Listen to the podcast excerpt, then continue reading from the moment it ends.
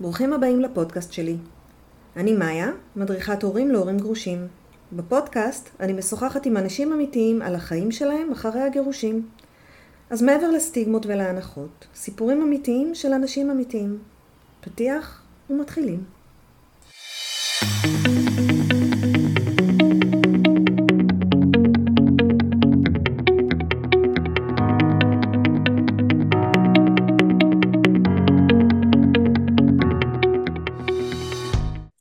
היי, היום אנחנו עם תומר אמ, שיגדיר את עצמו ושיציג את עצמו כי לי אין שמץ של מושג איך להציג אותו.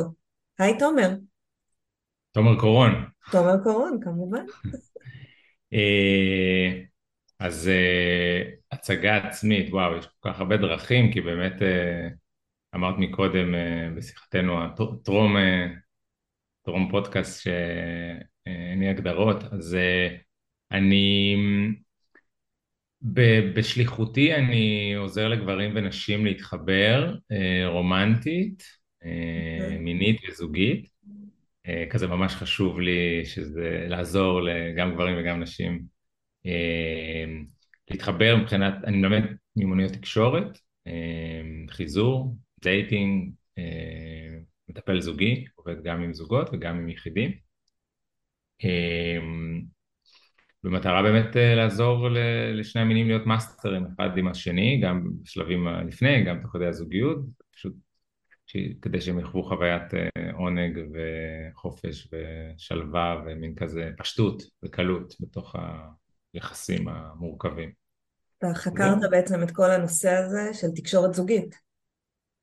כן, חקרתי, למדתי, אה, תרגלתי בעצמי, כזה מין כן, כל מה שאני מלמד אני גם אה, מתרגל וחוקר בעצמי, על עצמי, במערכות יחסים שלי. אה, כן, ומאז אני, מל... אני מנחה קבוצות, אני מרצה, אני כזה, יש לי כמה, יש לי כל מיני כובעים, סופר גם, כותב, יש לי ספרים ש... זה אמרתי, אתה, אנחנו, אה. מדברים, אנחנו מדברים מקופנגן, נתחיל בזה. אני, כן, ואני, ואני גר בקופנגן רוב ימות השנה.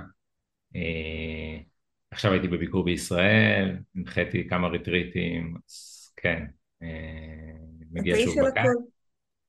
כן, כן, אפילו הוספתי לעצמי השנה אה, מקצוע חדש אה, בצד כזה, מורה לשחמט, כי זה משהו קרוב, פה בקופנגן, יש, פה, יש לי פה חוגי ילדים, מלמד בבית ספר בינלאומי, ושיעורים פרטיים, כן, זה כזה מין פשוט תחביב. כן, אבל זה קצת קשור למוצא שלך. למוצא, נכון, נכון, כי למדתי, אמא שלי לימדה אותי בגיל ארבע לשחק שחמט, ומאז אני, כמו כל רוסי, אני, שחמט זה ב-DNA, אז כזה... התחלת אנטולי. נכון, הייתי, נולד, נתנו לי אנטולי, והחלפתי בכיתה ח', נדמה לי, כן, בתומר. כי לא רצית מכות? כי רצית להשתייך? בדיוק, כן, לא רציתי רוסי מסריח, והרגשתי את עצמי מאוד צבר, מאוד התאהבתי בישראלים מהרגע הראשון, אז כזה מין אז כזה כן, זה היה חלק מתהליך המיתוג מחדש והחלפת זהות, שלא יזהו. מיתוג בגיל לא עשר. לא היה לי מבטא כבר, אז uh, הייתי מדבר בחטא ועין בכיתה ח' כבר, וחשוב שאני מרוקאי. אז אמרתי, טוב, אז תומר. אז תומר. ועד היום אתה תומר. כן. אוקיי, אני רוצה דווקא להתחיל בהתחלה, בהתחלה של הורים גרושים, שאתה עולה לארץ רק עם אימא. כן, נכון. אימא וסבתא סבתא ודודה, אבל הם חיו בנפרד, אבל גם הם עלו כזה איתנו. ו- ואיך זה הולך? להגיע לארץ זרה, רק עם... בדירה עם אמא? אה, להגיע עם אמא, קשה מאוד, אה, מאוד קשה, מאוד אה, טראומטי, במיוחד שהיא לא יכולה להגן עליי גם כזה בבית ספר, מול כל המרביצים וזה, כזה שולחת את המנהל מלון, מלון עולים שגרנו בו, אז היא שלחה אותו כי הוא היה כזה גדול וחזק וישראלי, אז אה, היא שלחה אותו אה, להגן עליי בכיתה ו' מה, מהמכות ש... כן, מהצקות שהיו ביסודי בכיתה ו' בירושלים. ואנחנו בפודקאסט של הורים גרושים. אה, אוקיי. ואני, מאוד מאוד עניין אותי שהגדרת את היחסים שלך עם אימא כפוסט טראומטיים. והרבה בינינו באמת, אתה יודע, יש ילד אחד אני יודעת שיחסים בין אה, אימא לבן או אבא לבן כשזה ילד אחד הם מאוד סימביוטיים. הם אחרים מאשר כשיש כמה ילדים. למה נכון. פוסט טראומה אבל? אה, עכשיו אני בפוסט טראומה, אז כן, היה טראומה, אז, אז הייתה טראומה מתמשכת. אה, אז, אז אני רק אגיד שאני, מה שעברתי הוא בדיעבד אה, התגלה כפוסט טראומה מורכבת, אוקיי. קומפלקס, זה נקרא CPTSD, לא סתם PTSD, אלא CPT, כאילו, אם אתה כבר מקבל PTSD, אז בוא נלך עד הסוף. כן, זאת אומרת זה משהו שהוא לא חד פעמי או דו פעמי, אלא מתמשך כפול שנים. Mm-hmm. אז, אז תשמעי, זה בגדול זה נורא, כאילו הכתובת היא על הקיר, ומלא, ומה שאני חוויתי מלא. אנשים, זאת אומרת מלא בטייפקאסט דומה שהם בנים יחידים או בת יחידה לחד הורי, חוו משהו דומה, דומה שונה, אבל האינטנסיביות אצלי הייתה מאוד מאוד גדולה, כי אימא שלי בעצם אה, א', היא לא נכנסה באמת לזוגיות רצינית, ארוכה, אה, מאז אבא. כן. זאת אומרת, מגיל 27 אה, היא הייתה, כשנולדתי, 27, 28, כן, אז תחשבי, מאז בעצם היא לא הייתה באף זוגיות רצינית, ואני בעצם הייתי ה... אז אני הייתי הגבר היחיד בבית, זאת אומרת, הילד היחיד, כן. ומכאן כן. גם הגבר היחיד, כי בעצם... כן. כן, ואז אז, אז קרו כמה דברים, אחד זה מבחינה רגשית, אז יש בה המון תלות רגשית בי, כי בעצם אה, גם הנסיבות חיים שלה הם כאלה שבעצם הם, היא עולה לארץ מתוך, כאילו מתוך בריחה מברית המועצות המתפוררת. כן. אז בעצם זה כבר חוויה שהיא רוב הזמן חיה באיזושהי הישרדות, אה, כזאת כלכלית והיא הייתה מוגשמת מקצועית ממש קצת שם כי היא okay. הייתה אוקיי. כזה עם תואר שני והיא הייתה עורכת מדעית באיזה ספרייה אז היא כאילו עבדה במקצוע שלה, אוניברסיטה כזה מין אז אפשר להגיד שהייתה מוגשמת במידה מסוימת, היו לה איזה שהם חיים נקרא לזה תרבותיים, את יודעת, עם כן. עושר תרבות סובייטי וכולי, ואז מאז שהיא עלתה לארץ היא בעצם נהייתה אדם סוג ב' סוג ג', היא נהייתה פועלת שעושה, עובדת בדואר ועושה בייביסיטרים ונוסע, ועובדת במכירות בשקם, כזה מוכרת במה שיש. במה שיש, בדיוק, עלייה של שנות התשעים כן. שלוש עבודות, ואז בעצם היא נכנסת למצב שבו היא אה, בגדול החיים שלהם אומל, כאילו הם אומללים מבחינה רגשית בקטע של כי היא כל הזמן בהישרדות כי יש לה ילד והיא לבד ואין נכון. בן זוג מפרנס היא לא מצאה בן זוג חדש אז היא בעצם מין מצב והיא כאילו מין החוויה שלה כמו של הרבה אה, לצערי של הרבה עולים אה, זה כאילו מין שישראל היא לא באמת תרבותית כאילו מין כזה התנסות אליטיסטית הסיבה שאני מדגיש את זה זה כי בעצם זה גם מייצר מצב שהיא גם לא מתחברת חברתית יותר מדי לתרבות הישראלית, את מבינה מבחינת זה שכאילו... אז היא מאוד מבודדת.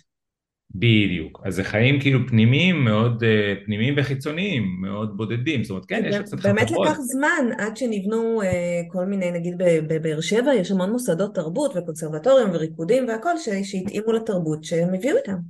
כן זהו, אבל אז זה לא היה. נכון, לקח הרבה זמן לבנות את זה. או שאני הולכת להופעה של זמר אה, מזרחי, שכאילו היא משווה את זה לאופרה בלבוב, עם ההיכל וכל הפאנט האירופאי.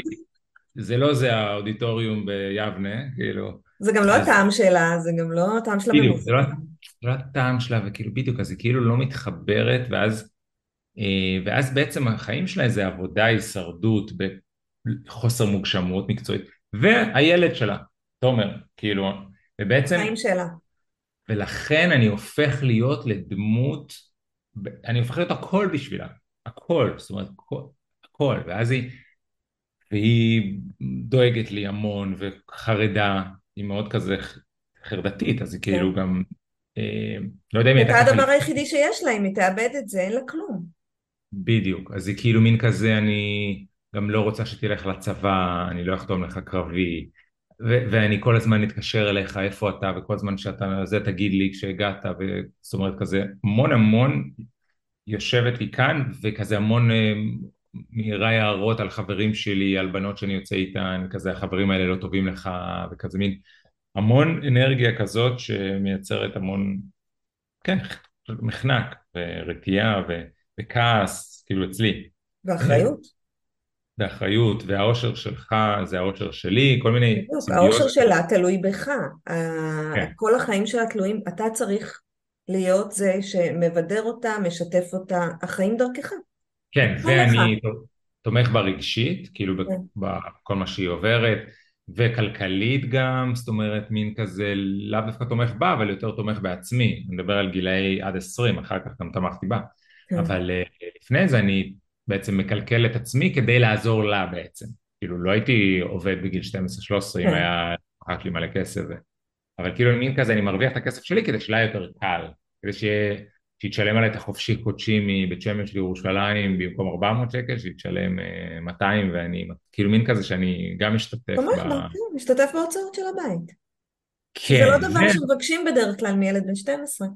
נכון, ואני גם המתורגמן, אני גם המתורגמן והנציג שלה מול הרשויות בישראל, כי אני תפסתי עברית מן הסתם מאוד מהר והיא יותר לאט, וגם אליי, כאילו מי מתייחסים אחרת, את יודעת, בטלפון אני מתקשר לאינסטלטור, אז הוא כאילו יותר הוא פחות עובד עליי כי הוא שומע ישראלי, לעומת הוא בא ועכשיו הוא שומע מבטא רוסי, וזה כאילו, והיה לה מאוד חוויה כזה שמנסים כן, לדפוק אותי כי אני רוסייה, וזה, את וזה צודקת. באמת, כאילו, במידה מסוימת זה ככה היה, לא כולם, כן. לא תמיד, אבל היה קצת מזה שם, וזה חוויה שנקלטה, אז אני הייתי גם, אז כאילו היו לי מיליון מיליון תפקידים, וגם האנרגיה, במידה מסוימת גם האנרגיה הרומנטית, כאילו האנרגיה המינית הרומנטית שלה, שלא קיבלה סיפוק כאמור על ידי בן זוג, זלגה באופן הכי סמוי ולא מודע כמובן, זאת אומרת לא עברתי שום התעללות מינית, אבל כן היה, זה כאילו משהו שהיה כזה מין, היה, היא כאילו כמו כמו הכניסה אותי למצבים שבהם זה מרגיש כאילו אני מחזר שלה, שנגיד היא כזה מבקש ממני שקל לפרחים ביום הולדת, או כאילו מין אנחנו יושבים במסעדה אחד על אחד, וזה כאילו, יש בזה קונוטציה מאוד רומנטית, כאילו מין משהו כזה עם יין ופרחים, וכאילו מין כזה, ממש... אתה הבן שלה, כן, זה נורא קשה. וכאילו אני, ואני, ואני הרגשתי שאני, כזה שהיא מלמדת אותי איך להיות ג'נטלמן עם נשים בעצם, דרכה, כן. כזה מין, אבל זה היה כזה מין תחזר אחריי, כי אני אימא שלך. אז כאילו מין.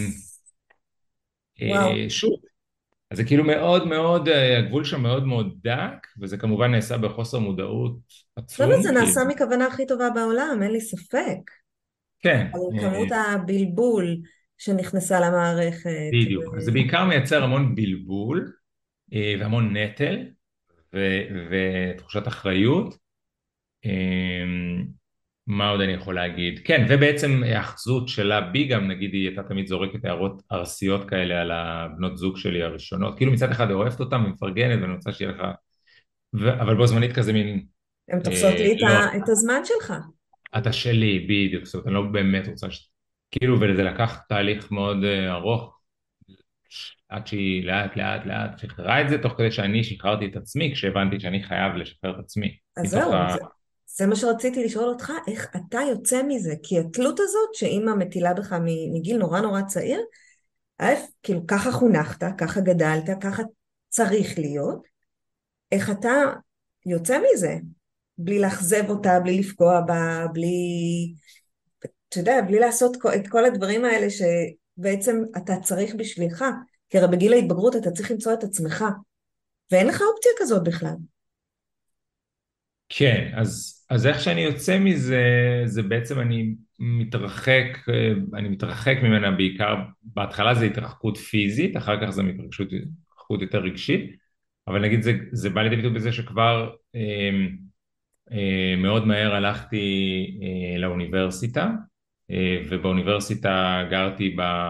ב בעצם לא, לא הלכתי לצבא, ובעצם זה שלא הלכתי לצבא זה אפשר לי ואחת הסיבות זה כי הרגע שאני כבר לא יכול לחיות איתה, איתה באותו בית, כאילו גם בין גיל 18 ל-21. כן. וזה גם, וזה גם היה כזה בית עלוב בבית שמש, כאילו דירה של עמידר שקיבלנו מהממשלה. עדיין, זה, זה, אני לא חושבת שזה תלוי באיזה בית זה היה, זה, זה, זה היה צפוף שם, מאוד צפוף. כן, אז, אז צפוף לא לי גם איתה. לא משנה באיזה גודל, גודל הרגשות, וה... כאילו, וזה כן. שאין לך לא. אבל זה גם השפיע, את יודעת, זה לא שהייתה, אם הייתה לי יחידת דיור נפרדת עם מפתח משלי וכניסה משלי, אולי, אבל כאילו זה שאני פתאום אומר, וואי, אני בן 18, אה, אין לי איפה להיות עם נשים, ואני צמא להיות עם נשים אינטימית, ואין לי, אני לא ממש יכול להביא אותן לפה, כי אנחנו בשני חדרים, וכאילו מין, כן. כל, צריך להגיד היי. והיא, והיא, והיא רוב הזמן בבית, כן, אה, את יודעת, כזה החיים שלהם מאוד בבית, ו... ו... אז אה, כן, אז הרגשתי, אז, לא משנה, long story short, יש עוד הרבה סיבות, אבל אה, אז לא הלכתי לצבא, ו, והלכתי ישר לאוניברסיטה בגיל 19, תואר ראשון, ובעצם ישר נכנסתי לגור במעונות, באוניברסיטה העברית בירושלים, והייתי, אז מין, אז הייתי כבר בדיסטנס שלוש שנים במעונות ממנה, וזה היה כזה, הצלחת. לבנות אישיות משלך בזמן הזה? כן, כן, איפה מאוד? התגבשתי, מאוד התגבשתי, כן, וגם אה, הייתי כזה מין איתה פעם בכזה, הייתי נוסע לבית שמש אה, לקחת אוכל, כביסה כזה, אז זה כאילו מאוד תמך בי הנ- הנוכחות שלה יותר כזה במ- במשימה שלי להצליח בלימודים וכולי. ואז נסעתי הברית בגיל 24, אה, 24, 22, בגיל 22 אחרי שסיימתי את התואר, עכשיו נסעתי הברית והייתי שם איזה שנה, שנה ושלוש כזה ברצף. אה, ואז, כן, גיל 24 טיול בדרום אמריקה חצי שנה, אז כאילו מין כזה, בגדול כאילו סוג של יצאתי מהבית בגיל מאוד מאוד צעיר, כן, זה ומאז- נשמע מחויב המציאות. כן, אז התרחקות פיזית, ואז אה, נראה לי סביבות גיל, אה, לא זוכר מתי, אבל התחלתי את הטיפול הראשון שלי, הפסיכולוגי, בגיל 25, ואז כזה התחלתי לפענח, אה, ו... אה, והתחלתי לי, אה, לפענח בעצם את פצעי הילדות שלי ואת הטראומת הילדות שלי ואז גם פתאום גיליתי, אה, זאת אומרת נזכרתי שיש לי בעצם אח ואחות למחצה שאף פעם לא ראיתי אותם שזה ולאבא? אבא שלי כי אבא שלי כשהוא התגרש מאימא הוא כבר היה בתהליך בעצם של היכרות של מישהי והוא ניסה לה, לאותה אישה ושם הוא הביא שני ילדים אה, בן ובת שהם בעצם אחים אחי שלך. למחצה, כן, שלא גדלתי איתם. אז יצרתי איתם קשר, אה, גם כשהייתי בן 25 הרמתי טלפון לאבא ואמרתי לו מה העניינים. ידעתי שהוא הגיע שנתיים אחרינו לארץ. אז ידעתי שהוא בארץ ופשוט לא הרמתי טלפון. נפגשת ולא דיברת איתו והוא היה לידך? כאילו, לידך בארץ? כן, 15 שנה בעצם הוא היה בעפולה ואני... ולא מעולם דיברתם? לא דיברנו, לא נפגשנו. אז הרמתי טלפון ואז הוא אמר תבוא לארוחת ערב ובאתי והכרתי את אחותי ואחי ומאז, למה אני מספר את זה? כי אני ואחותי אחר כך בעצם היינו עסוקים במשך, אה, אה, במשך כמה שנים בלדבר על בעצם איך היא גדלה עם אבא, איך אני עם אמא וכאילו פתאום עזרנו אחד לשנייה לפענח את, ה, את הפלונטר וגם התחלנו ללמוד את הנושא הזה, לקרוא לזה ספרים וללכת לסדנאות והרצאות, התחלתי כבר ללמד, בגיל 27 התחלתי ללמד חיזור גברים, אז אה, התחלתי גם ללמוד את כל הקטע הזה של כן, דינמיקה של איך הילדות משפיעה בעצם על איך אנחנו בבגרות, בחיזור, ביחסים, וזהו, בקיצור. אני חושבת, בגיל להתרחק. 25 יש לך אחים פתאום. כאילו, אתה לא לבד. וואו. כן, זה היה, זה היה מטורף, אני ואחותי היה לנו חיבור סופר סופר חזק, איזה מדהים. נכנסנו למין honeymoon state של אח ואחות כמו שיש בגיל ארבע, אז היה לנו את זה בגיל מבוגר, ממש היינו מאוהבים אחד בשנייה, כאילו כל היום שיחות עומק, נוסעים ביחד לפסטיבלים, מדברים מהבוקר כזה, כן, עם אחי קצת פחות, אה, אבל גם זה היה, כאילו זה היה משמעותי בעיקר ומרגש ועוצמתי כזה, אבל אה, כן, היה כזה ממש פער בהבדל, אה, הבדל, לא משנה, כן. טוב, היה, זהו, אז כן, אז אז גם יש לי אבא ואשתו של אבא ואחי ואחותי. ואיך אמא מקבלת את זה? במין כזה שמחה בשבילי, slash אדישות, slash חשדנות, slash... אה, לא, אבל כי הלכת. אליי, הלכת לאיש שלא דיבר איתך 15 שנה. כן, אז כן, אז כזה במין אה, כבדהו וחשדהו כזה המסר שלה כלפי אבא שלי. כן. אה, אבל הזמנו את אה, אחותי אל- אלינו לבית שמש, והיא באה, אימא שלי הכירה אותה face to face, אבל מאז היא ואבא לא התראו. לא, אני חושבת שאני שמה את עצמי רגע במקום של אמא שלך, זה היה לי מאוד קשה. אני מגדלת אותך כל החיים, אני ואתה, אתה ואני, היא לא רואה את זה כמוך, היא רואה נתתי לך את כל מה שיש לי, ומה אתה כן. עושה? הולך לאבא. כן, למרות שהיא, זה כזה מין, אף פעם לא באמת אה, הפכתי את אבא מבחינת תעדוף יותר כן. ממנה, מבחינת ארוחות או זמן ביחד, את יודעת, כזה, אפילו כן. עכשיו בביקור. אה, הייתי פעם אחת אצל אבא בארוחה, ואצל אמא יש, ישנתי כמה לילות טובים, כזה בביקור הזה, אז... היא כן. מקבלת עדיפות, הכל בסדר. כן, כן. זה הבית, בית. למה אתה מתחיל ללמוד חיזור? בוא נדבר על זה. זה נורא מוזר.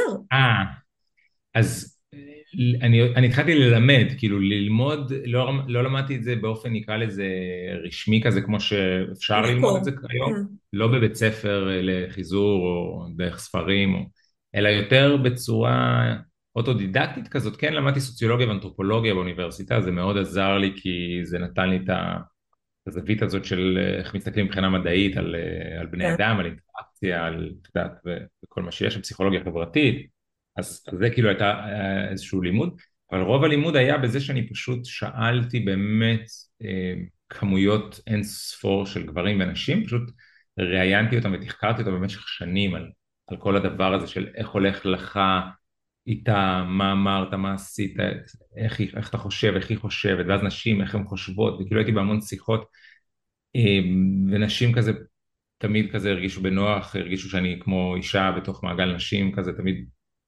איכשהו זה, הם נפתחו בפניי וסיפרו לי את כל הסודות כזה מין, אז זה פשוט, אה, את יודעת, שנים על גבי שנים. אה, למדתי את זה כדי להשתפר בזה בעצמי, כי לי היה חשוב אה, להיות master עם נשים, כאילו כדי שאני אוכל לבחור ולא להיבחר רק, ושאני אוכל לבחור את מיש... אז קיצור. לבחור לך את החיים שאתה רוצה, כאילו, את בת הזוג כן, שאתה רוצה. את השפע שאני רוצה, לא משנה באיזה בדיוק באיזה ניואנס, אבל שיהיה כזה מין, אז, אז למדתי, למדתי, למדתי, וממש השתפרתי אה, בחיזורים ודייטים ומערכות יחסים, ואז התחלתי להבין גם את ה... פתאום איך הטראומה עם אמא משפיעה בעצם על הקושי שלי להישאר עם אותה אישה הרבה זמן. זה כזה היה שלוש... זוגיות ראשונה שלושה חודשים, זוגיות שנייה שמונה חודשים, זוגיות שלישית שנה, ואז שנה, עוד פעם שנה, שנה ושלוש, כאילו כל פעם זה הלך ו... אה, שנה וחצי הראשונה שלי הייתה בגיל 32. רגע, זה בגלל לחץ, או בגלל, כאילו, ברחת מעודף אינטימיות? ממה, ממה זה נבע? כן, אז, אז, אז אחד הדברים המרכזיים זה שפתאום כשאני גר עם מישהי, וכמובן שנכנסתי לגור בדרך כלל יחסית מהר, כי זה משהו שאני, זה מוכר לי, אני גרתי עם אמא 24/7, כן. אז השחזור פה זה שזה מוכר לי, ולכן אני חוזר מאוד מהר למוכר. אה, שמרגיש בית, ואז כן, ממש גרתי כמעט עם, לא, לא עם כל, אבל ממש כמעט עם כל בת זוג משמעותית שהייתה לי, של האלה שנה ופלוס, אה, ונהיה לי בשלב מסוים חנוק מדי, אינטימי מדי, קרוב מדי, מאבד את, את הזהות שלי, מאבד את עצמי, והיא מזכירה לי אה, את אימא בעצם במלא מלא מלא מלא פרמטרים, וזה מייצר כל כך כאב עצום למערכת הרגשית, שזה פשוט הופך להיות בלתי נסבל להכיל. הדמיון. הוא דמיון ששוב, הוא, הוא דמיון מדויק ברמות והוא קשה מנשוא מבחינה רגשית ואז זה כזה פשוט נהיה, טוב אני חייב שוב לצאת מפה, לצאת מהבית, שזה סימבולי כמו שהייתי צריך להתנתק מאימא כדי בעצם להיות חופשי באופן מלא ולהגשים את עצמי כי הרגשתי פתאום את, כאילו, את בת הזוג כאילו כמו מכבה אותי וחונקת אותי ו, ושאני לא יכול לגמרי לפרוח גם הבחירה שלנו בבני זוג אה, קשורה בזה שאנחנו בוחרים משהו, זאת אומרת, הבחירה מלכתחילה הייתה במשהו כמו, ש... כמו אימא, כמו שאני מכיר. לגמרי, לגמרי. ואז אתה רוצה את החופש שלך, כי רגע, אני יודע איך זה נגמר, היחסים האלה, אני יודע מה קורה פה. כן, כן. אני גם, אני גם בעצם, כאילו החוויה בדיעבד היא הבנה שבעצם הייתי בעודף אה, אינטימיות עם אימא במשך המון המון זמן, כן. אז למעשה, וזה זה כזה תובנות, זה ממש תובנות חדשות של השנה האחרונה, כשאני מסתכל על זה בפרספקטיבה של lifetime, בעצם אף, ועד עכשיו כאילו זה כאילו מין כזה super obvious, אבל עד עכשיו לא חשבתי על זה בצורה כזאת, אבל פתאום הבנתי שבעצם אני הייתי בעצם בזוגיות עם אימא שלי במשך עשרים שנה, ואז כשאני פתאום בזוגיות עם מישהי שנה, אני, א', אני מרגיש כאילו כמעט עם כל אחת, אה, אחרי שנה כאילו כבר אנחנו חמש, עשר שנים ביחד, בתחושה. כאילו זה מרגיש... נכון, כאילו באינטנסיביות. כן, זה מרגיש ותיק וזה מרגיש... כי אני צולל, אני מסוגל לאינטימיות מאוד מהר, אז מבחינת שיחה ורגש, אז אני... לא יודעת, אז תוך חודש אני יודע עליה הכל, יודעת עליה הכל, הכל חשוף, כן. הכל פתוח, לא מאלה שכאילו לא משתפים ולא חושפים. להפך. אז... מה? להפך. שאפשר אה, לשים לב פה. פתוח. אה, אז, אז אני אומר, אז הייתי מגיע לדרגות אינטימיות מאוד גבוהות, ואז בעצם אחרי כעבור שנה או קצת יותר הרגשתי שזה כבר יותר מדי לי. אז בעצם אמרתי, אבל זה מאוד הגיוני, בעצם היית במרכאות נשוי 20 שנה, זאת אומרת היית במין חוויה כזאת שהיא זוגיות סופר אינטנסיבית עם אישה, כן. עם אמא שלך 20 שנה, ובעצם לא היו אחים, לא היה אבא, זאת אומרת, אז האנרגיה לא התפזרה בין, באופן שווה, אלא כזה זה רק אני והיא, אז מן הסתם אתה מרגיש פתאום שזה כזה מין, והרבה פעמים הייתה לי תחושה שכאילו פתאום אני לא צריך את זה יותר, את הזוגיות הזאת. לא משנה כמה אישה מדהימה ואני אוהב אותה ויש חיבור, זה כאילו, זה בכלל לא, זה מין כזה רמה של פתאום אין לי צורך בזה. ואז כשאני יוצא מזה, הייתי יוצא ממערכות יחסים אחרי שנה וחצי, ממש מרגיש סוג של כאילו מין כזה, כאילו זה לא היה, כאילו מין כזה ניתוק. וואו. ניתוק, תחושה של כזה מין, כאילו אני עברתי הלאה בשנייה, וזה פתאום נורא טבעי לי וקל לי כזה לחזור לכזה מין, יואו, אני לבד, איזה כיף, אני אוהב את זה, אני מכיר את זה, אני חייב את זה, אני חייב את הלבד הזה. אה, בלעדיה, כדי לה, רגע להרגיש את, את, את עצמי ואת איזושהי הקלה כזו ואת האינטימיות עם עצמי אפילו, להיזכר באיזושהי אינטימיות מסוג אחר. ש... כאילו אתה נכנס לתוך uh, מערכת יחסים, מאבד את עצמך ואתה צריך לצאת כדי למצוא את עצמך עוד פעם. כן. כדי לראות מי אתה שם. ואני מקווה שזה נפתר עכשיו, שזה כבר בסדר. שאתה מצליח זה, להגיע זה... למערכת יחסים בצורה אחרת כרגע. אה, עוד לא לגמרי, זה ממש... חיים הם תהליך. כן, כן. אבל בוא נגיד שעכשיו אה, בדיוק חזרתי לקופנגן ואשתי, ואני, ואני ואשתי כאילו במין פתאום באיזה חוויה כזאת של וואו, כמה, איזה כיף ש... איזה בית אנחנו אחד עבור השני. אני אומר את זה כי נפרדנו לפני שבאתי לביקור בארץ. כן. אז כאילו אני כזה בתהליך פרידה מתמשך, ושהיה מאוד מפתיע וכואב וכזה, כי זו פעם ראשונה שהתחתנתי עם מישהי וממש הרגשתי שזה כזה, שזה ללייפטיים ושאיתה אני כזה, זה פתאום הרגיש הרבה יותר קל ובטוח וחופשי וכולי. ואז עוד פעם הגיע הפוסט, כאילו עלתה לי כן. הפוסט טראומה וממש עוד פעם אותן תחושות ודז'ה וו לקשרים קודמים. ואז ו-one thing led to another ואנחנו בתהליכי פרידה ואז אמ, אני בעצם מבין ש... ואנחנו כזה עכשיו באיזה תהליך של כזה מין התקרבות בלב ואני לא יודע של... לאן זה יוביל אמ, אבל כזה אני במין תחושה שנורא אני בעצם מבין שאני יכול. כדי לחוות איזושהי זוגיות מתמשכת שהיא נגיד תחזיק מעמד יותר משנתיים וחצי שזה השיא שלי כרגע אה, פעמיים עם אשתי ועם זוגתי הקודמת אה, ו... אז אני כזה אומר, נראה לי שאני ממש חייב שכל הזמן יהיה מרחק יחסית מאוד גדול שהוא מרחק לא קונבנציונלי נגיד אה, בין בני זוג, זאת אומרת ברמת ה... כל הזמן או פעם ב? כל הזמן, רוב הזמן. נגיד אני אתן דוגמה, נגיד אה, ברמת המגורים, אז נגיד כן. הבנתי שהמגורים ביחד הם בטווח הארוך הם מייצרים יותר נזק מתועלת עבורי, ואז אם זה עבורי אז זה גם עבור, זאת אומרת זה משפיע ואז כזה זה, כן. זה מפרק לשנינו את הצורה. אז כאילו מין, בעצם עדיף לי ולה שנגור יותר זמן בנפרד מאשר ביחד, נגיד עשרה חודשים בשנה בנפרד, חודשיים בשנה ביחד, חודש פה וחודש שם. אה, עשינו את זה אגב הפוך, נגיד בש... אה, בקורונה הסתובבנו בעולם והיה איזה חודשיים שגרנו בנפרד מתוך בחירה כזה של... וזה עשה מה זה טוב, החזיר אותי לעצמי וזה עשה געגוע, כאילו ממש היה מאוד בריא. אז זו הדרך שלכם? אז אני, אז אני מבין שבדיוק שעבורי זה, זה צריך להיות עשרה חודשים בשנה בנפרד וחודשיים ביחד ולא הפוך. אמ, אני חושבת שאם אני מסתכלת קצת על כל מה שאני שומעת עליך ורואה, אז, אז כאילו יש פה ריטריטים והנחיות ומשהו שהוא מאוד רגשי. אתה עושה, מתעסק המון המון ברגש, במשהו שהוא אנרגטי ורגשי וחיבור בין לבבות. ומצד השני, ברקע יש איזה יסודות מאוד מאוד שכלתניים, מאוד לימודי אוניברסיטה, מאוד... אה, כאילו אתה משלב את העולמות האלה ו... ומצליח ליצור משהו שהוא חדש, משהו שאנחנו לא מכירים. כי אתה מדבר על בזמן הנישואים לגור בנפרד. אתה מדבר על עוד uh, כל מיני תיאוריות uh, רומנטיות, על לאן הרומנטיקה הולכת, או לאן דברים שהם לא מה שהכתיבו לנו, הם לא מה שלימדו אותנו. אתה גר בקופנגן, אתה נווד דיגיטלי, אתה משחק שחמט, ועושה, זאת אומרת, אתה, אתה נורא משחק בכל העולמות. נכון. נכון, אני מאוד לא קונבנציונלי, אה, אני כזה מין גם פיטר פן כזה, ו...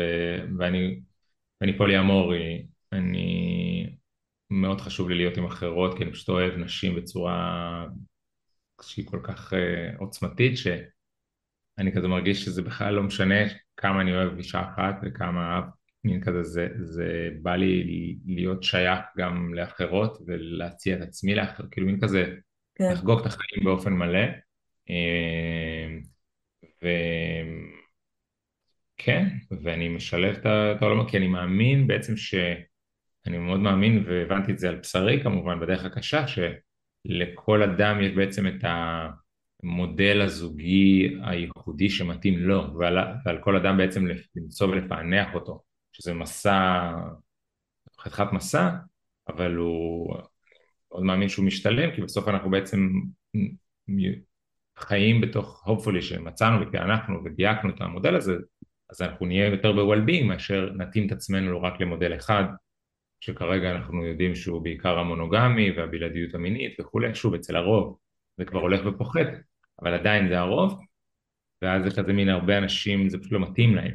אה, לחלק זה מתאים, זה נהדר, אבל יש כאלה שזה לא מתאים להם וזה כמוני וגם לאחרים לא, אז זה כזה מאוד חשוב לי, גם דרך הדוגמה האישית שלי.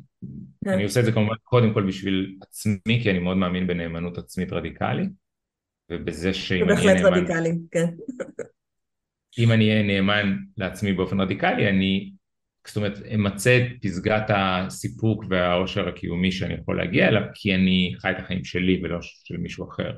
את במידה, נקרא לזה, אופטימלית, ביחס לזה שאני גם יצור חברתי ויש סביבה ואני כן מושפע ולא יכול לעשות כל מה שבא לי על סמך, על דעתי, אבל כן אה, אני משתדל להיות נאמן לעצמי, גם אם זה אומר אה, כן, פתאום כזה שוואו, אשתי ואני נפרדים, כי זה, כן. זה לא עובד ואני, ואני רוצה להיות עם אחרות וזה מכאיב לה מאוד ואנחנו לא מצליחים למצוא שם את הגישור, אז אני כזה אומר אוקיי, כן. אין מה לעשות, כאילו אני לא נשאר בריצוי ונהיה מונוגמי בשם האגדה ההוליוודית של ההקרבה העצמית ההירואית, זה כאילו מין כזה בשביל שהאישה תהיה שמחה לא משנה מה, כאילו לא, זה בעיניי שני הצדדים צריכים להיות מאוד שמחים ולא... אני מסתכלת על זה מהצד שלי כגרושה, שעד הגירושים באמת הדרך שלי הייתה מאוד מוסללת, ידעתי בדיוק מה אני צריכה לעשות, והגירושים היו השבר שלי, התנפצות הפנטזיות, כי אני הייתי אמורה לחיות happily ever after, וגם לא happily, לא משנה, ever after ביחד. זאת אומרת, ידעתי שיהיו תקופות לא טובות ויהיו תקופות, וזה לא תמיד יהיה מדויק, וזה לא, אבל זה לא שינה לי. זה לא באמת שינה. כי ידעתי שזה תקופה ועוברים, וזה חלק מהחיים גם להיות אומלל. וכשהתגרשתי פתאום הכל התנפץ, ופתאום יש אופציות חדשות. פתאום למשל, מגורים בבתים שונים. זה לא משהו שבכלל עלה על דעתי, ועכשיו זה עובד לי כל כך טוב. מי ידע? מי ידע שזו אופציה בכלל? ואתה כן. פה מגלה את כל האופציות שלא קבעו לנו מראש. ומה שאתה עושה זה איזשהו מסע לתוך עצמך, ואתה אומר, אוקיי, בוא נראה מה טוב לי, מה אני... ואף פעם לא לימדו אותנו לבדוק מה טוב לנו. ופתאום אני מסתכלת עליך ואני אומרת, בן אדם, סך הכל בן 41. 42.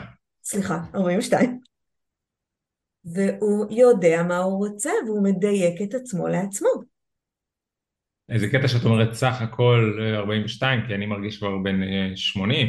אה, אז זהו, אה. ממרומי גילי אתה ילד. זה כיף, כיף. כיף שעוד אחרים רואים אותי ילד כשאני כבר מרגיש סבא וכזה. בנראות אתה נראה ילד. אה, בנראות, זה כן, כן. זה... גם אמרת פיטר פן. נכון, נכון. כן, הילד הפנימי שלי מאוד, אה, מאוד נוכח ו... אבל אני רוצה כן. לשאול אותך, יש לך זכות, כאילו? מאיפה הזכות הזאת להיות נאמן לעצמך? אה, זה כזה מין, אה, איזה עוד ברירה יש לנו? אני חושב שהזכות... מעלה ברירה. כן, אבל אני, אני כאילו חושב ש... אני חושב שכל הטיצ'ינגס שספגתי, באמת קראתי המון, צרכתי המון התפתחות אישית ב-15 שנה האחרונות מאז שנכנסתי באמת לעולם הזה של ה-New Age ופסטיבלים, זאת אומרת המון ספרים והמון מורים והמון, כאילו מין ספגתי המון. כן, ואז כזה ליקטתי ואחד המסרים שחזר על עצמו הרבה, שמאוד חדר אליי כזה במין שאתה חייב להיות בעצם נאמן לעצמך כאינדיבידואל, כאדם, כי, כי אחרת, כי אחרת אתה פשוט סובל הרבה יותר, כאילו גם ככה החיים מספיק קשים ויש סבל ויש זה, אז לפחות תחיה אותם לפי הדרך שלך וכשאתה, ו, ושתדע לך שמה שצפו לך זה שאתה צריך להיות חזק מסטיגמה חברתית, כן. כי כשתהיה באמת נאמן לעצמך אז כולם יחשבו שאתה משוגע ושאתה מוזר, אז עצם זה ששמעתי את זה כאילו זה מאוד התחבר גם למרדן הפנימי שהייתי עוד בצעירותי, תמיד הייתי כזה מרדן, כי הרגש, כאילו הרגשתי שמשהו פה מסריח. כל הקטע הזה של הרוסים שהם לא מדברים על רגשות והכל כזה נורא, הכל בסדר ומסכות, כאילו הרגשתי שיש פה איזה זיוף, הרגשתי שמשהו פה לא כשורה, כאילו משהו פה לא אותנטי. משהו פה, את יודעת. כן.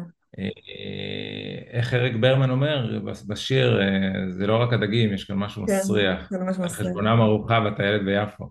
כאילו, עם ההורים וזה, יש, יש כאן משהו, מס, כאילו מין, ממש זאת הייתה התחושה. ו, ואז כשפתאום, יודעת, ואז נהייתי מרדן כזה, fuck the system, הייתי כזה Rage Against the Machine, מטאליסט, בגיל 16, כן. אה, פוגו וכאלה, כי זה היה כזה מן הדרך שלי, קצת כזה מין להגיד, בואנה, זה גם מאוד רוסי דרך אגב. מה? זה גם, גם מאוד רוסי. נכון, נכון. אפילו שהייתי יותר ישראלי ב Rage Against the Machine, אבל כן. אבל כי, ואז כזה מין, אמרתי לעצמי, וואי, זה ממש נכון, אני, זה מהדהד לי לגמרי, כולנו בעצם חייבים להיות מי שאנחנו, ואחרים יגידו שאנחנו מוזרים וישפטו אותנו, כי אנחנו חיים גם בעולם לא מתוקן, שבו במקום להעצים את זה שכל אחד הוא ייחודי וזה, כן. מנסים כזה להגיד, לא, אתה צריך, מה זה, אתה עושה משהו מוזר, אתה צריך להיות כמו כולם, וכל מיני כאלה. אם אני מסתכלת עליך, אז עשרים שנה ראשונות היית יחסית אה, מרצה את אה, רצונות אה, אימא, היית כלוא, היית לא נאמן לעצמך, ניסית, הגעת כאוטסיידר לכאן, אבל ניסית כמה שאפשר להיטמע ולהיות בתוך הגבולות וכמו כולם, וב-20 שנה אחרי זה אתה רק, מנסה, אתה רק פורץ אותם, אתה רק יוצא החוצה. כן, ממש, כן, כן. זה אחלה, כאילו, זה אחלה תהליך לעבור. מאוד, נכון. מאוד מרגש. אז כשאנחנו נכון. ככה לקראת סיום, מה, מה אתה עושה היום? מה... מבחינה מקצועית? כן. אמ, אז אני מנחה ריטריטים וסדנאות אה, גם לסינגלים, גם לזוגות, גם בקופנגן, גם בישראל. באפריל אני פותח קורס אה, הכשרת מנחים אה, בקופנגן, אינטנסיב, כזה שממש מגיעים לכמה שבועות, אה, אז מי שפה באי ואפשר להגיע גם מישראל, אז כן. כל מי שיש לו קריאה להיות מנחה קבוצות וסדנאות, זה מה שהולך לעשות איזה קורס גדול וחשוב. ואני גם עושה סדנאות זוגיות בקלות, ריפוי דפוסי התעשרות, שכל הפוקוס שלהן זה ממש על הנושא הזה, של הדפוס החרדתי או הנמנע כמוני, והמסע להפוך להיות יותר בטוח, אה, דפוס התקשרות יותר בטוח, שמסוגל באמת לחוש שלווה ורוגע בתוך אינטימיות ולהישאר יותר זמן ולעשות ריפוי לפצעים, אז, אה, אז אני ממש מלמד כל הטכנולוגיה הזאת של הרבה מזה אני חוויתי על בשרי ומה שאפשר לי בכלל אגב להגיע לשנתיים וחצי לעומת שנה, להתחתן, כן. לא, כאילו מין אז דווקא העולם של הגרושים, אחרי שהיית בתבנית מאוד מאוד מסוימת כל החיים שלך, כדאי לבדוק עכשיו מה אתה באמת רוצה. זה בדיוק הזמן לעצור וללמוד משהו אחר. כן, לגמרי, לגמרי. לבדוק מה מתאים לך. בתהליך חקירה ודיוק של כאילו בעצם, אז מה המודל הבא שיותר מתאים לי ממה שחשבתי. כי הייתי כן. בטוח שמונוגמיש, שמונוגביש יספק את הסחורה, שזה כן... מונוגמיש. מונוגמיש, כאילו מונו, כן, אישה עיקרית רוב הזמן. למשחקים וכאלה פה ושם. אבל אה, כן, אבל נדמה לי שאני ממש מחפש כאילו איזשהו מודל יותר מדויק לי, ואז אני בחקירה, ובינתיים אני כן, מלווה יחידים וזוגות גם בקליניקה פה פיזית, יש לי קליניקה בקופנגן וגם בזום, אה, ישראלים, אה, אז מרחוק, אז כזה מין הכל מהכל, ואה, ובאירופה אנחנו נעשה ריטריט גם זוגיות בקלות, כנראה ב, או בברלין או בפורטוגל, בקיץ. איזה הזדמנות, גם ללכת, גם טיול מטורף וגם ריטריט. כן, כן. כן, אז יש כזה תוכניות גם להתרחבות בחלק האירופאי, נוסף לישראל וקופנגן. אה, כל זה... הקישורים כמובן יהיו כאן בתיאור של הפודקאסט, אבל אני רוצה להפנות את המאזינים שלנו דווקא לאתר שלך. Mm. שיש שם כל מיני מדריכים סופר פרקטיים, איך לכתוב פרופיל באתר היכרויות, נכון. או איך, כאילו ממש דברים ש... flirtotation, flirtotation לגברים, על איך לפלרטט, איך לתבל בעצם את השפה היבשה של היי מה קורה, כל היובש הזה, ב... כי היום בחיזור אונליין זה בלי הספייס נורא קשה לעבור שלבים, ופלירטוטיישן לגברים, ותגובה חכמה לנשים, שזה איך במקום מופעלות רגשית שמרחיקה אותו, איך אני מגיבה בצורה כזאת הרמונית וזה, וזה מאפשר, אה, כן, אז תגובה חכמה, נכון. לי יש עצה אחת נורא נורא טובה לגברים ממה שאני חווה, ואני בזוגיות ארוכה כבר המון שנים, ועדיין, חבר'ה, נורא מחמיא לי שאתם פונים בחיי, אבל באימא שלכם תגללו אחורה. עשינו את אותה שיחה לפני חודשיים. נכון. עזבו, נכון. מיותר. גלילה. יש עוד כל כך הרבה, זה רק אחד מהמאות טיפים שיש, אה, כן. אז אוקיי, גם הקישור הזה יהיה כאן למטה. תומר, תודה רבה.